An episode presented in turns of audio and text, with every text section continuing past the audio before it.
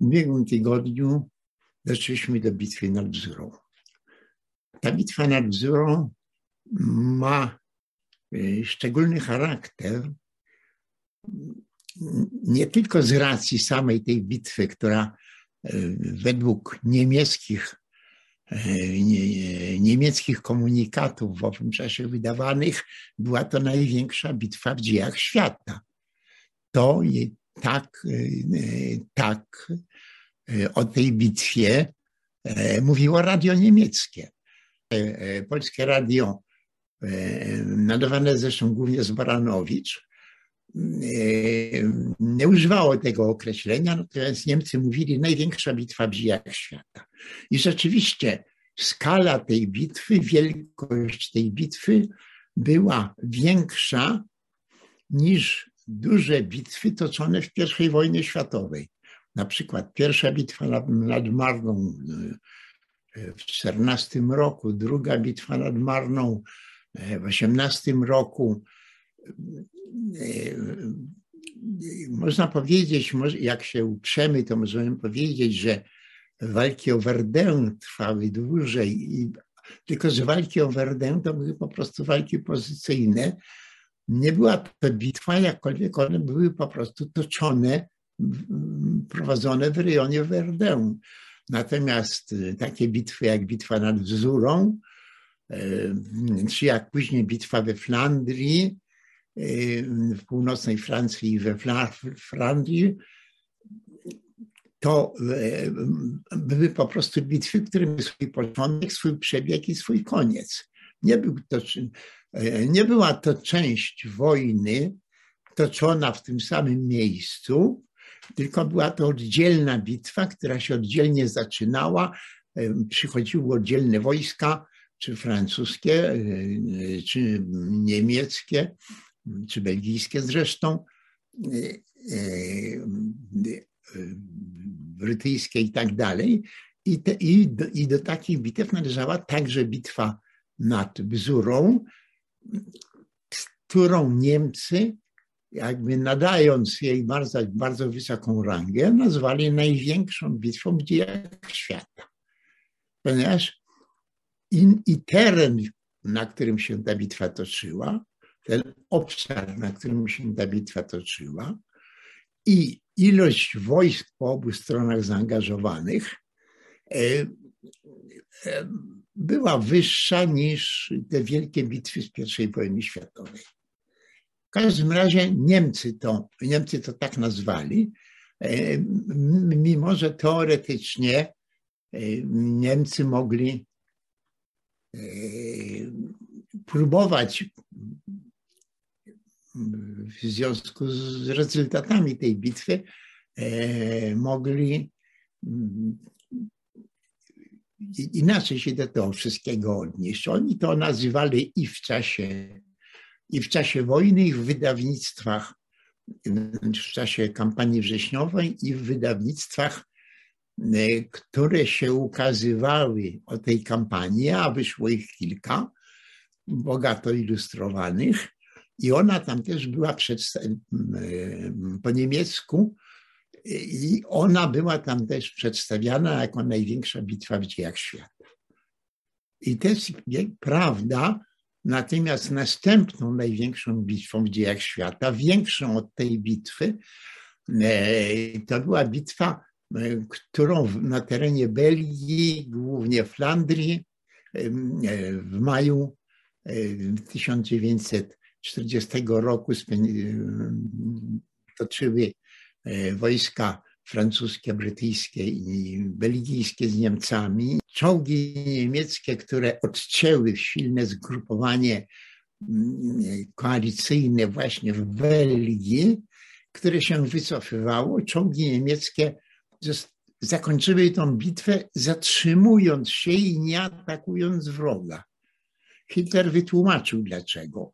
I to zaraz, zaraz, zaraz po tej wojnie, nawet w trakcie jeszcze trwań wojny z Francją, Hitler powiedział: Zatrzymałem czołgi, ponieważ gdybym nacierał na to zgrupowanie przeciwnika, to znaczna część tych czołgów zostałaby zniszczona, W związku z tym nie mógłbym rozwinąć ofensywy na resztę Francji.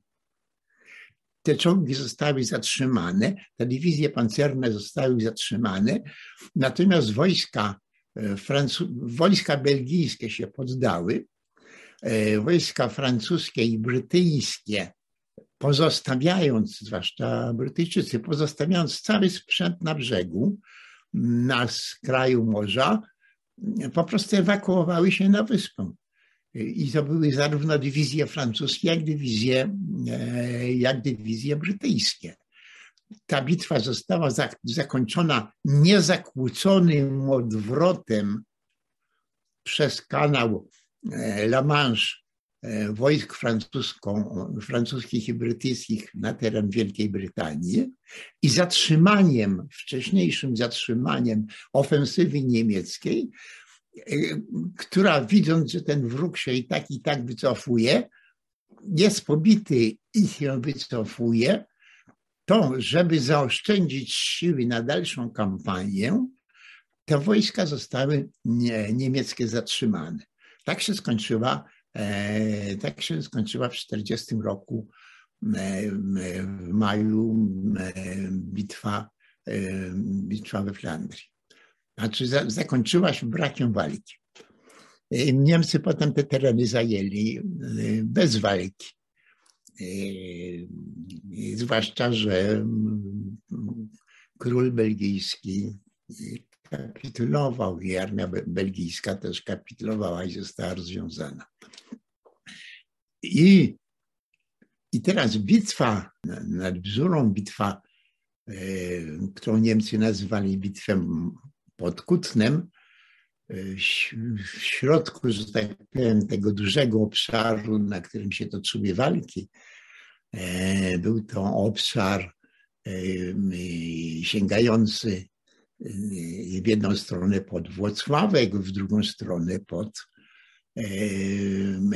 pod Sochaczew czy do Puszczy Kampinoskiej, pod obszar, który się rozciągał pod Łódź do, i spod tej łodzi się oddziały polskie wycofały nie dlatego, że zostały pobite, tylko dlatego, że one pobiły ósmą armię. I 17, 17 września, jeszcze 17 września, ale 15 i 16 września to się zaczęło. Wojska niemieckie, które były nad, nad Wisłą, główne niemieckie zgrupowanie broni pancernej, duże, duże zgrupowania e, działające z trzech stron, z północnego zachodu, e, przez Wisłę z północy, od strony dolnej, dolnej Bzury ze wschodu e, i wreszcie od strony Łodzi. Ten obszar był obszarem bardzo dużym i, i, i wojska, które nasze, nasze wojska działały w trzech grupach trzydywizyjnych i e, działania zaczepne prowadziły dwie grupy, a trzecia grupa, która osłaniała te wojska od północnego zachodu, e, broniła ich niejako. I teraz wszystko się zmieniło 17 września. Niemcy, którzy mieli związane wojska w Polsce, to w dniu 16, 15, 16 września znajdowali się w, w, w wyjątkowo krytycznym położeniu, ponieważ żeby sprowadzić wojska e, z Polski, które powstrzymają Francuzów, w jakiejś mierze trzeba się było przebić przez Polaków. Dla Niemców bitwa pod Bzurą, przynajmniej początkowo, to nie była bitwa po to, żeby zwyciężyć Polaków, tylko żeby otworzyć drogę, e, żeby te dywizje pancerne mogły się wycofać. E, pozostałe piesze musiały pieszo iść do statków załadowczych, natomiast e, zmotoryzowane i pancerne w ciągu jednego, dwóch dni docierały do, docierały do stacji załadowczych, które były dopiero na terytorium niemieckim, bo na terytorium polskim cała sieć kolejowa była zniszczona, porwana, zniszczona, rozbita nie, nie do wykorzystania. I te szybkie wojska niemieckie musiały się przebić, ale jeszcze co najmniej dwa dni, żeby dotrzeć do stacji załadowczych i około tygodnia czasu, żeby e, dotrzeć do Francji. Z tym, że te szybkie wojska to było 15 dywizji, a francuskich dywizji na froncie północno-zachodnim było 90 kilka dywizji. I teraz, jeżeli przyjdzie tam jeszcze na pomoc 15 dywizji niemieckich, to e, one nie zatrzymają Francuzów. To była taka, taka sytuacja niemiecka, była 15-16 15-16 września. E, natomiast wojska polskie do tej pory w bitwie nad Bzurą poniosły względnie niewielkie straty. E, natomiast niemiecka ósma armia, która osłaniała główne zgrupowanie niemieckie z północy, która w owym czasie wyszła na wojnę mając cztery dywizje, e, dołączyła podczas wojny już piąta dywizja, to z tych pięciu dywizji właściwie tylko jedna dywizja niewiele ucierpiała. Dwie zostały prawie, jedna została całkowicie zniszczona, 30 dywizja niemiecka. 17 dywizja niemiecka została prawie całkowicie zniszczona. 24 dywizja poniosła bardzo duże straty i tylko 10 dywizja która nie zaczęła od kontrataku, a zaczęła od walk odwrotowych. E, e, stanowi jeszcze jakąś taką pełną, miała pełną jeszcze wartość bojową. Dochodziła do nich dywizja Landwery i, i ta dywizja Landwery została pokonana przez zgrupowanie kawaleryjskie i to mm, e, dwu czy trzykrotnie dostali w skórę generała Grzmota Skotnickiego, zresztą parę dni później poległ i już w innej, w innej zupełnie sytuacji 19, e, znaczy ciężko ranny 18, umarł 19 września. To już była zupełnie inna sytuacja. Tylko, że Niemcy, nazywając tą bitwę taką wielką bitwą, jeszcze którym ona była, zapominali dodać, że ona miała także otworzyć drogę z nadwisły w stronę Niemiec, żeby po prostu skierować się na front zachodni. A Rosjanie, którzy weszli do gry 17 września, zresztą nie, nie uprzedzając Niemców, jeżeli po podejściu wojsk niemieckich pod Warszawę e, i po komunikacie niemieckim e,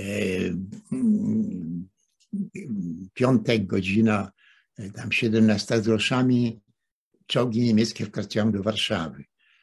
Tego rodzaju komunikat się ukazał i obiegł od razu cały świat i wtedy Rosjanie zawiadomili natychmiast Niemców, że oni ruszają, że oni skończyli przygotowania i ruszają. Niemcy ich błagali mniej więcej od 3 września, kiedy mocarstwa zachodnie przystąpiły do wojny. Niemcy ich błaga, błagały, żeby napadli na Polskę od, od 3 września. We wcześniejszych porozumieniach w ogóle nie było mowy o tym, że Rosjanie zaatakują Polskę, ani słowa. Niemcy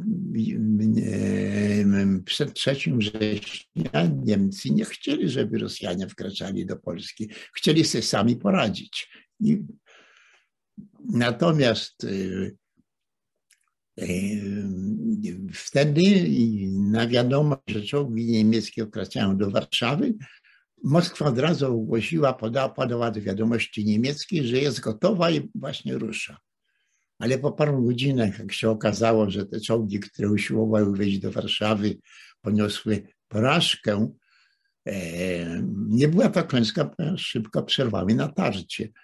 e, ale straciły, te straty w czołgach były spore. To wtedy Rosjanie się wycofali chyłkiem. Pojawiła się następująca, pojawiła się następująca historia, że wojska francuskie do 12, 11 wieczorem 12 września osiągnęły styczność bojową z główną pozycją niemiecką e, na zachodzie, właśnie tą przy Zagłębiu Sary między Renem a Mozelą. Trzeba było rozwinąć tylko ciężką artylerię i ta ciężka artyleria mogła zacząć, miała poprzedzić uderzenie francuskie. Francuzi mieli następującą następujący model toczenia wojny. Bardzo silna artyleria, bardzo silna artyleria ciężka. W tym czasie mieli e, najsilniejszą artylerię ciężką e, na świecie. Niemcy, Niemcy miały dość słabą. I znaczy Niemcy w ogóle nie miały dyspozycyjnej, miały tylko tą, które miały była częścią organiczną poszczególnych korpusów czy dywizji. Francuzi też mieli organiczną dywizję związaną wewnątrz korpusów czy dywizji, ale poza tym mieli sto parę pułków tej najcięższej artylerii, dalekonośnej, burzącej i tak dalej, model działania francuskiego był modelem zupełnie innym niż na froncie polskim. Front polski był bardzo rozległy, półtora tysiąca kilometrów. Przez połowę tego frontu w ogóle wojska żadne nie przychodziły, ani niemieckie, ani polskie. One przychodziły, przychodziły w oddzielnych przecież grupach i z Prus Wschodnich, i z Pomorza, e, i z, ze Śląska, tego średniego Śląska, górnego Śląska i tak dalej, no, przez Podhale, w różnych kierunkach z przerwami. Ten front miał bardzo duże przerwy. Po prostu tylko dlatego, że ani, ani Niemcy, ani Polacy nie byli w stanie obsadzić frontu, który liczył ponad 1500 kilometrów. Otóż Model francuski był inny, po prostu możliwy, sytuacja na froncie zachodnim była zupełnie inna i stąd model francuski był zupełnie inny. Francuzi mieli pas bardzo silnych umocnień. Te bardzo silne umocnienia uniemożliwiały, bo Niemcy mogły rozpocząć wojnę od uderzenia na Francję na przykład. I nawet Hitler na, tam wiosną i, i na początku lata 1939 mm, roku nawet myślał, że sam przyznał, mm, że zacznie od uderzenia na Francję, żeby Francuzów zupełnie zaskoczyć. Ale ponieważ doszedł do wniosku, że jak on zaatakuje Francję, mm, to Polacy zaatakują Niemcy, a, są blis- a granica polska jest bliska Berliny, będą, bardzo, będą Niemcy w bardzo trudnej sytuacji. I zdecydował się, że najpierw wojna z Polską i pokój, za wszelką cenę pokój z mocarstwami zachodnimi. Tylko i, jakby zmieniam kierunek tego, co mówię, tylko główna część literatury wydanej u nas w kraju i dotyczącej września 1939 roku, to jest literatura wydana w PRL. I literatura wydana w PRL, która była jak najbardziej oszukańcza i która była tak głupia, że, że, idiota prawie nie mógł w to uwierzyć. Wybitny pisarz zresztą, Żukrowski, e, wydał trochę dlatego, że mu kazano, chyba wydał książkę o, o kampanii, o kampanii wrześniowej i w tej książce łani bili szablami czołgi. Przecież bzdura jakaś. Nie mówiąc o tym, że ułani owszem walczyli z czołgami, ale strzelając albo z karabinów przeciwpancernych, albo z działek. Albo w ogóle z dział. Taka była różnica. Kawaleria walczyła pieszo, bardzo rzadko walczyła konno we wrześniu. Natomiast u Żukrowskiego szablami, szablami biją czołgi. Tak, tego rodzaju była propaganda i teraz oczywiście to jest śmieszne, e, co napisał Żukrowski, e, czy inne opracowanie innego heroja, mistrza literatury, niejakiego Putramenta, takiego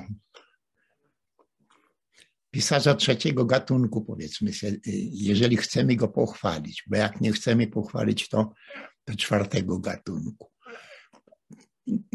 To jego takie opracowania też, jego takie też opracowania wychodziły wszystkie, ale także naukowe książki. Jeżeli pod koniec PRL-u jeszcze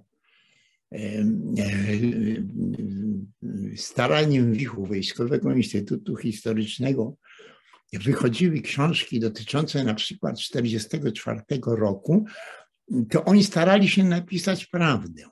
I w znacznej mierze tą prawdę napisali. E, natomiast poczynając od lat 40., bardzo bogata literatura o wrześniu była literaturą paszkwilancką. To odbija się do dzisiaj. E, tak samo jak ocena II Rzeczypospolitej, bardzo taka paskudna ocena. E, w II Rzeczypospolitej zrobiliśmy ogromny skok cywilizacyjny, ogromny skok gospodarczy, ogromny skok edukacyjny, naukowy. Pod każdym względem był to ogromny postęp, który się z PRL-em w ogóle nie, nie liczyli, który był znacznie silniejszy od, nasz, od tych zmian, które nastąpiły w Polsce e, po roku 1990, 89, 90. Otóż e, olbrzymi skok E, natomiast w literaturze, ta literatura dotycząca historii najnowszej w PRL-u, to była głównie właśnie literatura dotycząca II Rzeczpospolitej i wojny i kampanii wrześniowej, to był stek kłamstw. Cenzura działała niesłychanie silnie, natomiast dzisiejsi historycy, nawet dobrzy bardzo historycy, nawet w bardzo dobrych książkach, ponieważ nie nastąpiło żadne rozliczenie z literaturą PRL-owską, to korzystają z literatury PRL-owskiej za fakt rzeczywisty, uważając to, co w rzeczywistości było żądaniem cenzury. Działają, ciągle działają źródła fałszywe.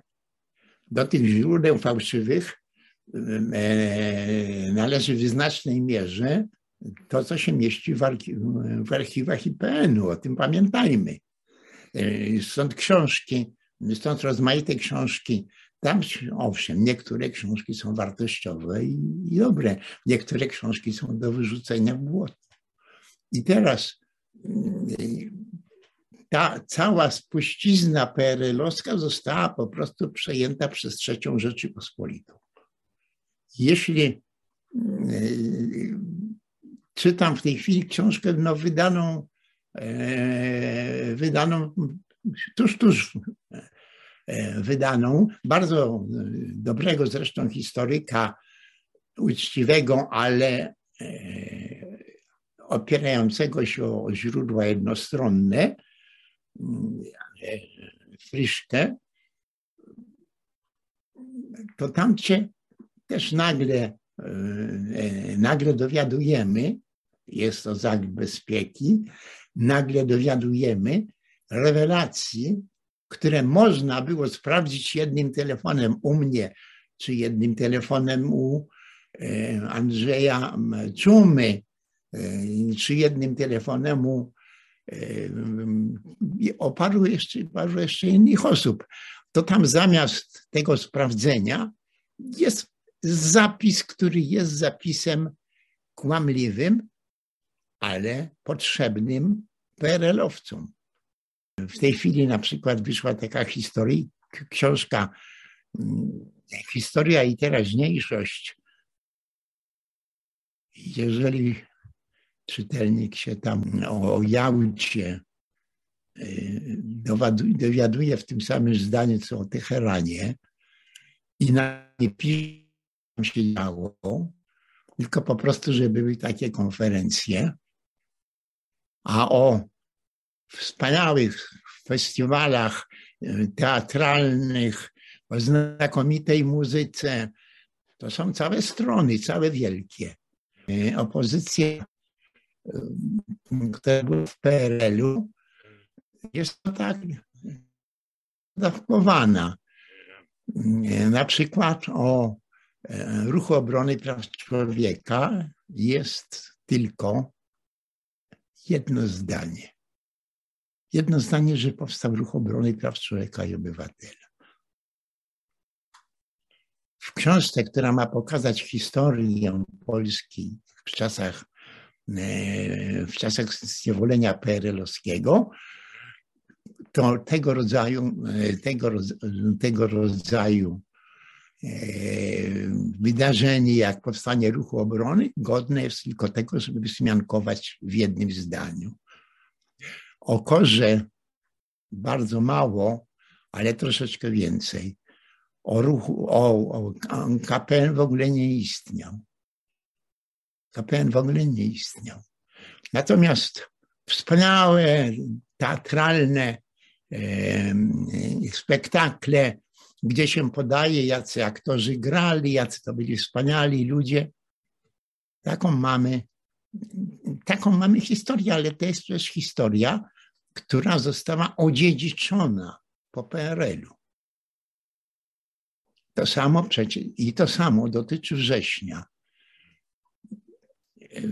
Ja wydałem e, książkę o wrześniu, która się ukazała w 1972 roku i została bardzo potępiona, co zresztą e, raczej jej pomogło niż zaszkodziło ale nakład, nakład się rozszedł, a e, nie szukano, żeby tą resztę gdzieś tam zniszczyć. Ale też w tej książce nie napisałem wszystkiego. Na litość boską, ja nie byłem w stanie napisać, że Związek Radziecki zawarł tajny układ z Niemcami. Ja mogłem tylko napisać, że Związek Radziecki zawarł jawny układ z Niemcami. Owszem, potem dalej gdzieś tu półsłówko, tam półsłówko, gdzie indziej półsłówko i można się było domyślić, że poza tym e, jawnym układem przeze mnie opisanym, to jeszcze było coś tajnego.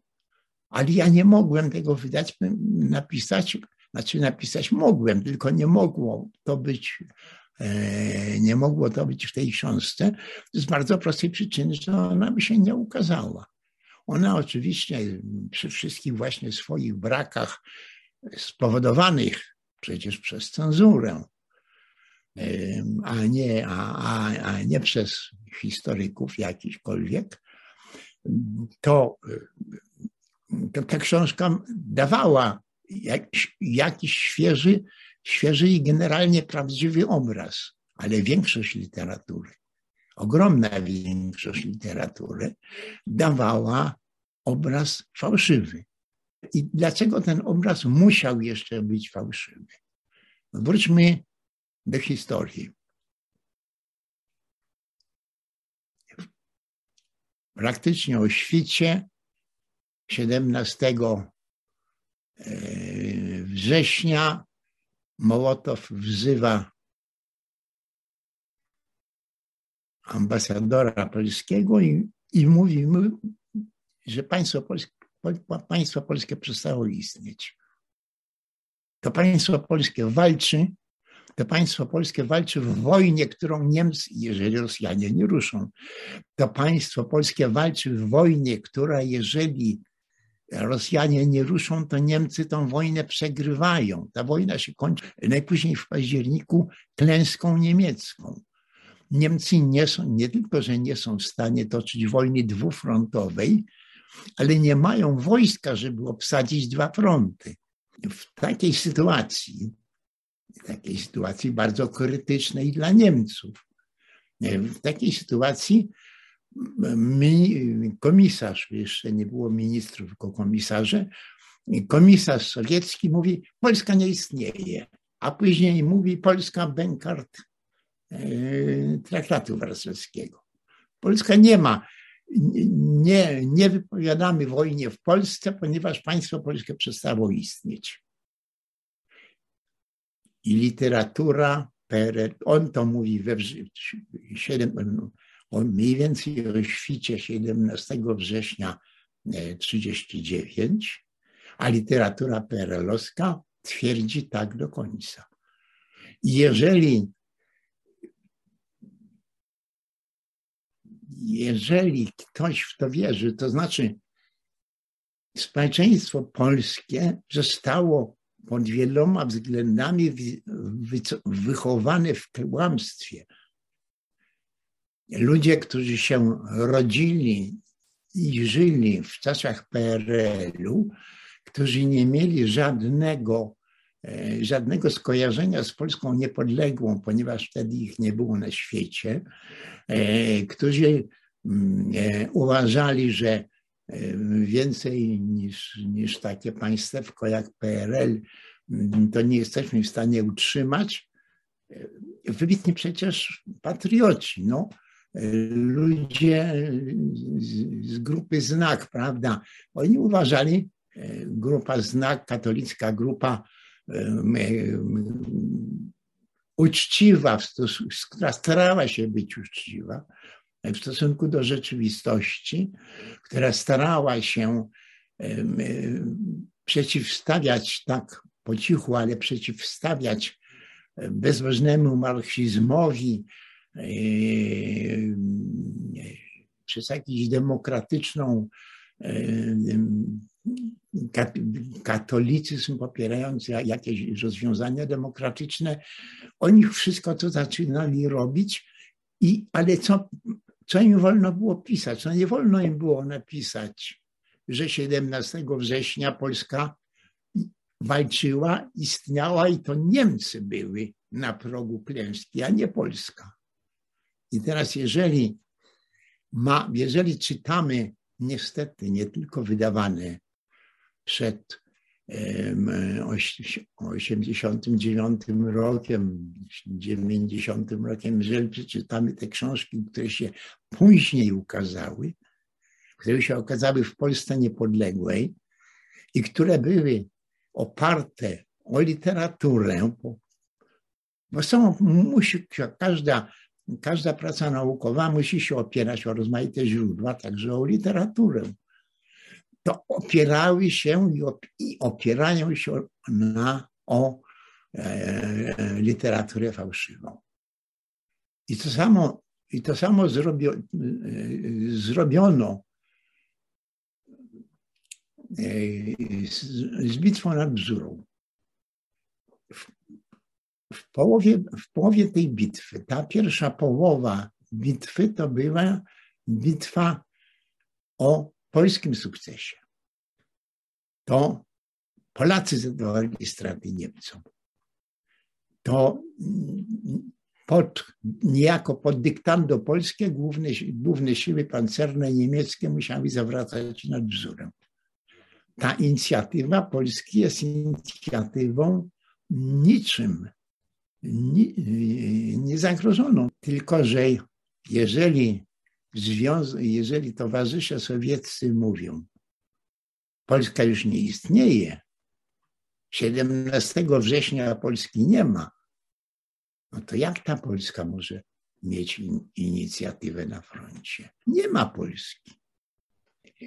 Efekt, pierwszy efekt wojenny, e, który się, który nastąpił po owym czasie, to, to efekt jest następujący. Niemcy dowiadują się e, w tych nadrannych, wczesnorannych godzinach, że Rosjanie wkroczyli przez jakiś czas, nawet nie wiedzą w jakim charakterze wkroczyli. Rosjanie ich po prostu, Sowieci ich po prostu nie zawiadomili, nie chcieli ich zawiadomić, ale oni wkroczyli i wczesnym rankiem, bardzo wczesnym rankiem, szef, dowódca niemieckiego lotnictwa Göring dowiaduje się, że e, Rosjanie wkroczyli. I co robi? Armia powietrzna niemiecka, ściśle mówiąc, sześć, sześć różnych zgrupowań, które się nazywały armiami. Z tych sześciu zgrupowań dwa zgrupowania są na zachodzie, cztery są w Polsce. Ponieważ jest ciągle strach niemiecki, że zaraz ruszy ofensywa francuska. To oni utrzymują jedyną broń, którą mogą przerzucać z frontu na front, to jest oczywiście lotnictwo. Oni utrzymują i silne, i silne siły myśliwskie, i silne siły bombowe, jedną trzecią swoich wojsk powietrznych utrzymują, utrzymują w pobliżu frontu zachodniego. Wykorzystują ich także okresowo do działań w Polsce, ale w takiej sytuacji, żeby w każdej chwili mogły wrócić na stronę, na, na front francuski. I co robi Gering? Gering wyciąga wszystkie, wszystkie bombowce, które ma Luftwaffe, co do jednego. Wszystkie. I wszystkie kieruje na bitwę nad Bzurą. Bitwa nad Bzurą jest w stanie następującym, że trwa przegrupowanie polskich oddziałów. E, polskie oddziały, które atakowały w kierunku e, e, na Stryków obok, obok Łodzi, ta, ta część naszych wojsk jest, przechodzi przez obszar koło Kutna w kierunku, w kierunku dolnego, w kierunku gdzieś mniej więcej Sochaczewa, dolnej Bzury. To jest jedna część. Druga część, która miała też trzy dywizyjna, która miała działać na jej e, lewym skrzydle, ponieważ nadchodzą niemieckie dywizje pancerne, ewakuuje się poza, poza Bzurę, e, a więc też jest w marszu. Trzecia, która od, od północnego zachodu e, broni cofając się e, w stronę e, tego środka, w stronę Kutna, mówiąc inaczej, te wojska polskie są w pełnym ruchu. Ten ruch nie jest ruchem bojowym, ten ruch jest prze, przesunięcie wojsk na, na inne odcinki z innymi zadaniami nie ma do 17 września nie ma żadnego, e, żadnej sytuacji klęskowej. Wprawdzie nasz atak na e, ósmą armię niemiecką się skończył, nie, nie dobijamy ich. E, natomiast nie prowadzimy przegrupowujemy wojska, nie prowadzimy po prostu operacji bojowej.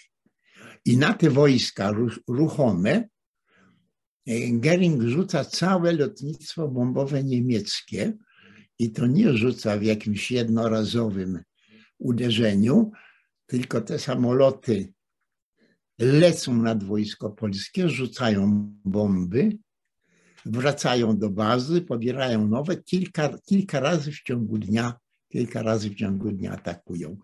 I tutaj po raz pierwszy to zgrupowanie generałów, mm, zwłaszcza generała Kutrzeby, który tym dowodził, to to zgrupowanie dopiero wtedy ponosi jakieś poważniejsze straty. Dopiero wtedy ponosi poważniejsze straty. Ale te wojska nadal prowadzą operacje już w bardzo trudnych warunkach. Dalej prowadzą operacje i, i większość z nich zresztą przy, przychodzi albo do Modlina, albo do Warszawy. Co się dzieje poza, poza tym bardzo takim krwawym bombardowaniem niemieckim 17? Co się dzieje? Dzieje się, że wszędzie rozlega się głos Rosjanie wkroczyli. Marszałek Piłsudski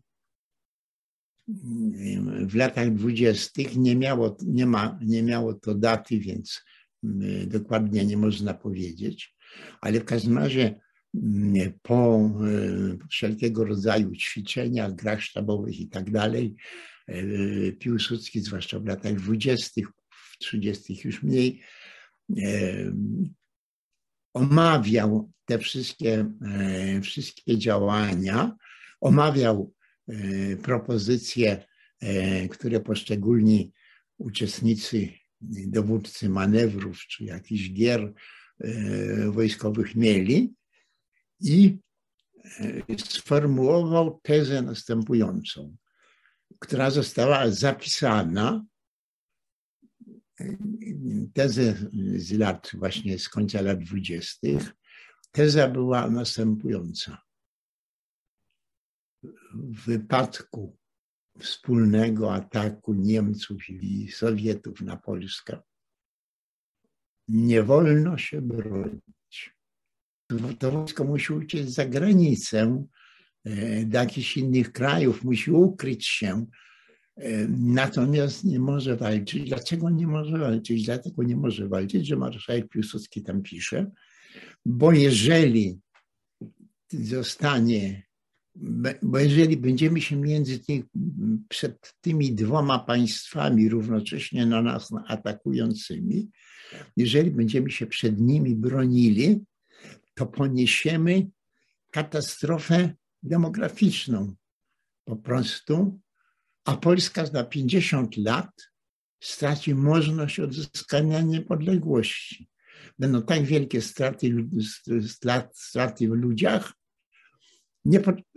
które są nie do obrony, które są nie do obrony. Jeszcze chyba za życia marszałka, ale tego dokładnie nie, nie wiem, chyba nikt nigdy nie wiedział. No, nikt to może przesada, ale, ale E, bardzo późno e, to się rozeszło. Zostały stworzone dwa takie tomy uwag, rozkazów i tak dalej marszałka. Tom Wschód dotyczący e, działań na wschodnim froncie ze Związkiem Radzieckim, tom Zachód dotyczący tego samego ze strony Niemiec. I już, już po śmierci marszałka opowiadał mi to człowiek, który nad tym pracował. Eee, zastępca szefa oper, Wydziału Operacyjnego Sztabu Głównego. Otóż oba i wschód, i zachód zaczynały się od tego, z tego właśnie zabronienia zabraniam toczyć walki, jeżeli będzie równoległy, równocześnie atak rosyjski i niemiecki. Powiedział, powiedział to także głośno nie, już nie, nie omawiając ćwiczenia, tylko czy napisał to nawet głośno, napisał tak, czego chcecie bronić? Jak, jak Rosjanie i Niemcy napadną, to czego chcecie bronić? Gdzie chcecie walczyć? Na placu przed, przed Pałacem Saskim, na placu Saskim, przed Pałacem Saskim, przy, przy pomniku księcia Józefa Poniatowskiego, przed nieistniejącym dzisiaj na placu Piłsudskiego pałacem saskim został tylko grób nieznanego żołnierza. Zabrano też stamtąd pomnik księcia Poniatowskiego i powiedział przy pomniku księcia przy, budynku naszego, nasz, w Pałacu Saskim mieścił się sztab generalny. Przed stab, przy, przy sztabie generalnym będziecie walczyć z Niemcami i Rosjanami. Oni zaraz was tak ścisną. I, i, I jakie to miało następstwa? Następstwa to miało takie, że Śmigryc na pierwszą wiadomość że Rosjanie wkroczyli, wydał rozkaz natychmiastowej obrony przed nimi. Ale po godzinie czy dwóch przy, przypomniał sobie rozkaz Piłsudskiego, czy mu przypomnieli rozkaz Piłsudskiego. I po godzinie czy dwóch powiedział, nie wolno podejmować walki z wkraczającym wojskiem radzieckim chyba że napadnie na jakiś oddział. To ten oddział może się bronić, ale jeżeli nie będzie napadu, to nie można szukać z nimi walki. Wszystkie oddziały polskie muszą wycofywać się w kierunku Węgier i Rumunii i przejść na drugą stronę granicy, ponieważ nie jesteśmy w stanie toczyć istnienie narodu polskiego wymaga, żeby nie toczyć wojny z dwoma wrogami naraz. I ten rozkaz został wykonany, jakkolwiek został wykonany z wielkim trudem, ponieważ rozmaitym jednostkom wojskowym trudno było przebić się do Rumunii czy do Węgier. Ale duża ilość, duża ilość się tam przebiła. Czyli jaki stan jest po,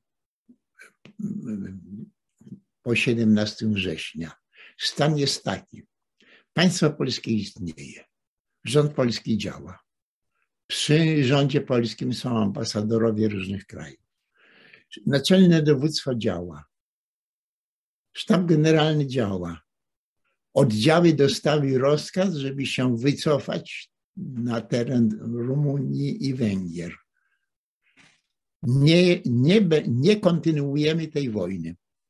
Nie kontynuujemy tej wojny.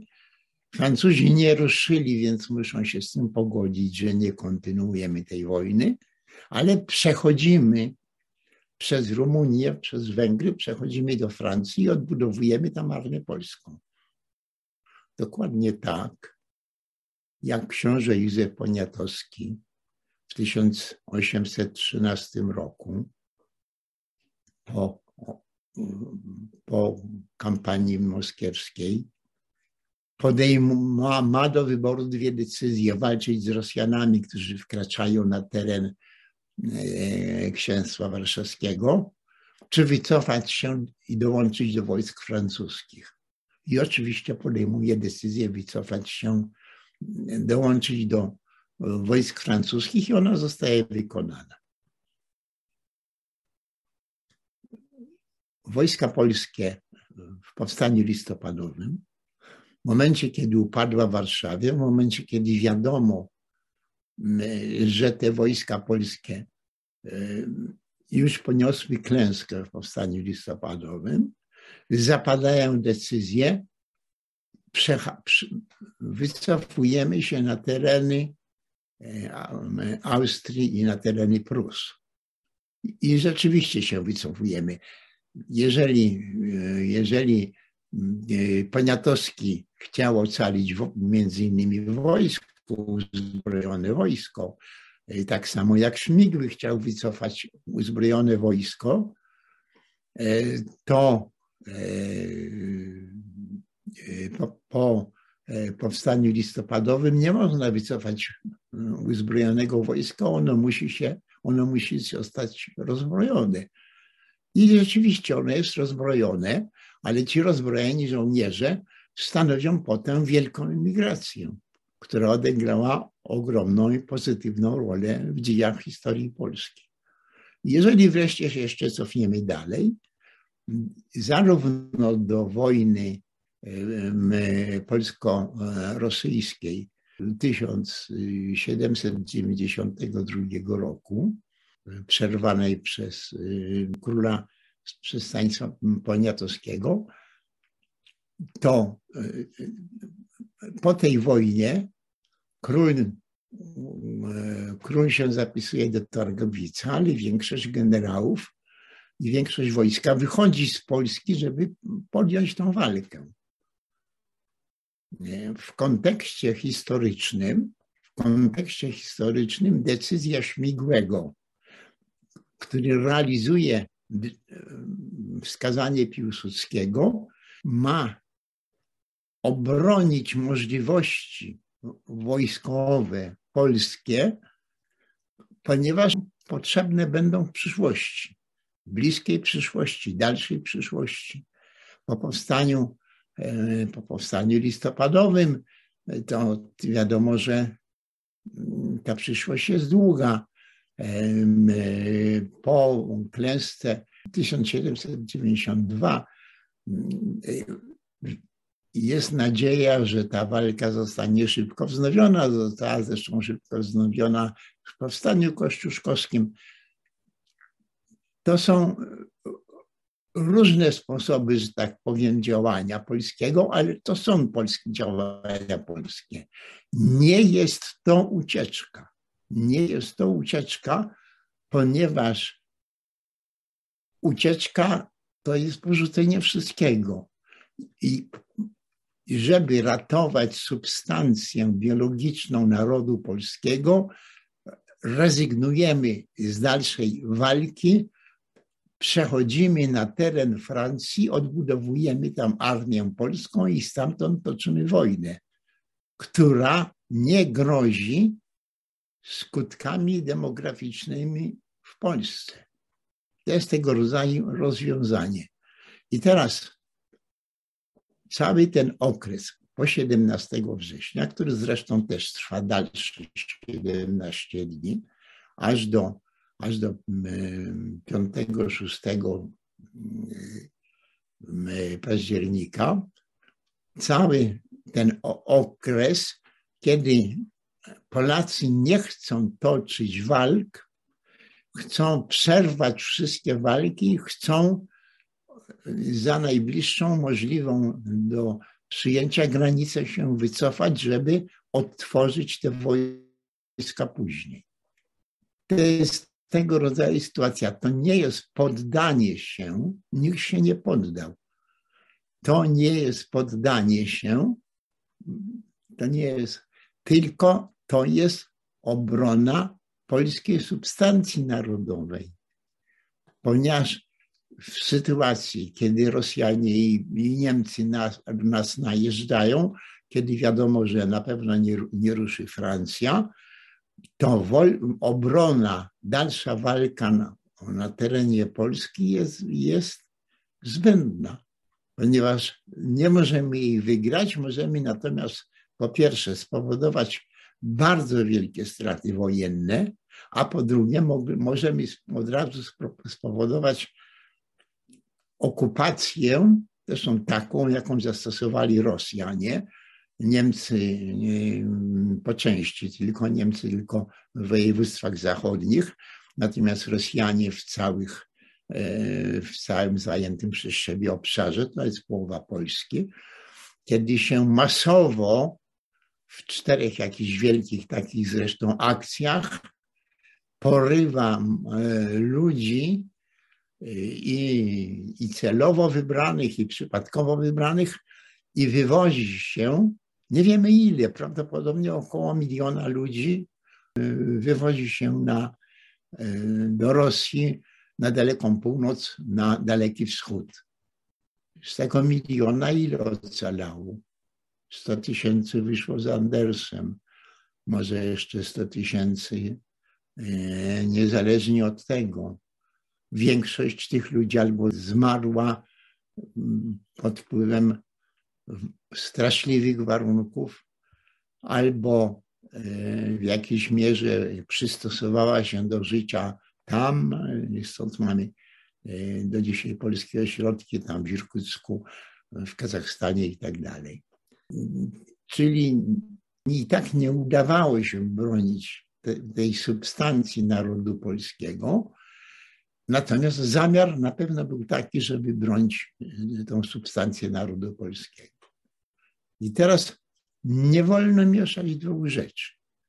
Nie wolno mieszać bitwy bzurą, która zmusiła Niemców polskiej inicjatywy od wieczoru 9 września, a ta polska inicjatywa wygasała 17 e, września. To jest polska inicjatywa, żeby związać główne siły niemieckie w tym okresie, w którym miała ruszyć ofensywa francuska. To jest zamknięty, jeden zamknięty okres. Rosjanie zamykają ten okres, bo już wiadomo, nie ruszy Francja, bo już wiadomo, że jak będziemy walczyli naraz z Niemcami i Rosjanami, to grozi to nam straszliwymi, e, straszliwymi stratami ludnościowymi. Nie można mówić e, o niepowodzeniu e, bitwy nad Bzurą przed 17 września, bo po pierwsze tego niepowodzenia nie było. Pierwszy taki bardzo ostry atak niemiecki, niemiecki to jest dopiero 17 września, zwłaszcza ten bombowy. Jakieś tam wielkie miasta się, Warszawa broni, Lwów się broni, Modlin się broni, Wybrzeże się broni po 17 września przecież jeszcze to są, to są jakby izolowane ośrodki, które się nie mogą, nie mogą być ewakuowane, ale to już jest inna sprawa. My już nie toczymy wojny z Rosjanami, my jeszcze walczymy z Rosjanami, z Niemcami, ale nie, nie toczymy z nimi wojny. My nie stawiamy im oporu, wręcz przeciwnie, chcemy się tylko przebić, wojska polskie chcą się tylko przebić, żeby się wydostać za granicę. I jeżeli ktoś powie, bitwa nad Bzurą została przegrana, to jest to nieprawda, bo bitwa nad Bzurą została przerwana i oddziały z nad Bzury, zresztą w większości, dotarły do Warszawy i dotarły do, e, i dotarły do Modlina. Natomiast jeżeli spojrzymy na 16 września, do 16 września nie, nie można powiedzieć, że bitwa została przegrana. Polacy odnieśli duże sukcesy, zadając straszliwe straty ósmej armii niemieckiej i w trakcie przegrupowania wojsk polskich wkroczyli Rosjanie. I teraz, jeżeli ktoś jest pod wpływem, ciągle do dzisiaj, pod wpływem literatury, podporządkowanej interesowi sowieckiemu, to powie to samo, co powiedział, co powiedział Mołotow e, nad ranem 17 e, września. Państwo polskie nie istnieje. Państwa polskiego nie ma. Państwo polskie istniało, państwo polskie zostało dopiero, przestało w sensie międzynarodowym, w sensie uznania międzynarodowego, zostało dopiero z, z, pozbawione tej, tej rangi. 2 lipca państwo polskie istniało. Przez całą wojnę, było częścią koalicji, wojska polskie walczyły i trwało tak do 2 lipca 1945 roku, kiedy uznanie legalnemu rządowi cofnęły wielkie mocarstwa, a za nimi większość, większość państw świata. To, to możemy się na tym zgodzić, że dopiero wtedy to państwo mogło przestać istnieć. Ale przecież nie przestało. Przecież istniało na emigracji, nawet nie mając żadnego uznania. Kiedy się skończyło działanie tego państwa? Działanie tego państwa skończyło się 22 grudnia 1990 roku, kiedy ówczesny prezydent Rzeczpospolitej na uchodźstwie oddał świeżo powołanemu prezydentowi Polski, oddał wszystkie jakby papiery y, świadczące o istnieniu państwa, o istnieniu państwa polskiego. Po prostu ta ciągłość została dotrzymana. Wprawdzie pod wpływem swoich głupich, y, swoich głupich doradców y, Wałęsa mówił, to my insygnia przyjmujemy. To nie było, to nie było oddanie insygnii. Owszem, w trakcie przekazywania władzy oddano także insygnia, ale nie tylko. E, jeszcze we wrześniu 1945 roku prezydent Raczkiewicz powiedział, że rząd w Polsce może być uznany dopiero wtedy, kiedy prezydent Polski zostanie wybrany w wolnych wyborach. I rzeczywiście w, w tym 1990 roku odbyły się wolne wybory. Wybrany został Lech Wałęsa i prezydent na uchodźstwie przekazał mu swój urząd, a w tym także swoje papiery. Natomiast jeżeli ktoś uważa, że